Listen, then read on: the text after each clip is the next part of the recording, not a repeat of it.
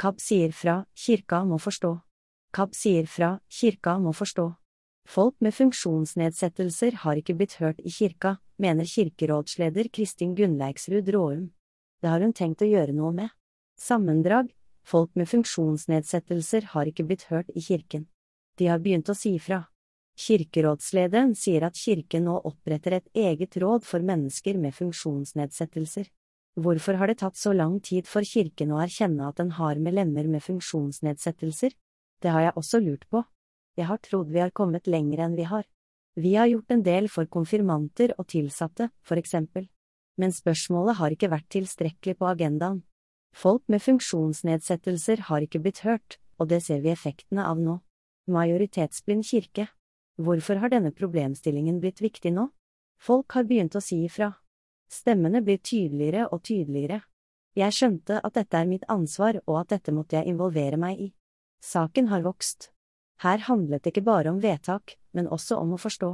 Det handler om å bygge kompetanse mellom minoritet og majoritet, og erkjenne majoritetsblindhet, sier kirkerådslederen og fortsetter. Dette har vi jobbet med på mange områder, blant annet når det gjelder samisk og kvensk. Vi prøver å lytte ordentlig og ta innover oss hvordan det er å bli oversett og diskriminert og erfare igjen og igjen ikke å være en fullverdig borger fordi alt er for komplisert og tungvint. Jeg har brukt mye tid på å finne ut hva det betyr, og hva det gjør med et menneske å stadig møte barrierer, sier kirkerådslederen. Handling må til. I løpet av det siste året har hun skjønt at mennesker med funksjonsnedsettelser har færre ytringsarenaer enn hun var klar over, og at det er en viktig begrunnelse for at Kirkerådet har løftet tematikken til Kirkemøtet og opprettet et eget råd til å se på saken.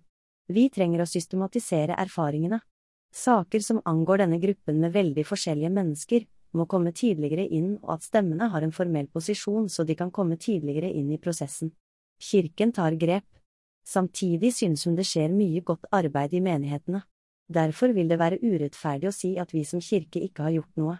I noen menigheter har de satset godt på dette. Hun nevner et område der Kirkerådet har jobbet med nye løsninger. Blinde og svaksynte kunne stemme ved årets kirkevalg gjennom digital stemmegivning. Det er et konkret eksempel på hvordan vi kan jobbe med nye løsninger.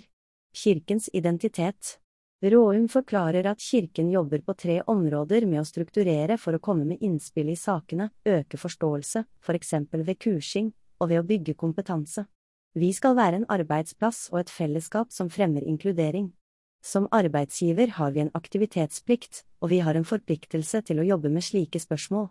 Nettopp fordi vi er kirke, er mennesker med funksjonsnedsettelser en teologisk ressurs i forståelsen av hva det vil si å være kirke. Hvis vi ikke gjør det vi er i gang med, blir vi en dårligere kirke. Denne prosessen styrker oss i å være kirke. Helt konkret, hvordan kan funksjonshemmede være en ressurs for Den norske kirke? Ved å fortelle om sine liv, sine erfaringer og hvilket blikk på evangeliet de erfaringene åpner for. Hvis man erfarer at verden er full av barrierer, hva ser man annerledes i Jesu budskap enn med menneskeår som ikke har de erfaringene? Kirken trenger KAB. Hvorfor trenger Den norske kirke KAB? Fordi vi trenger KABs kompetanse.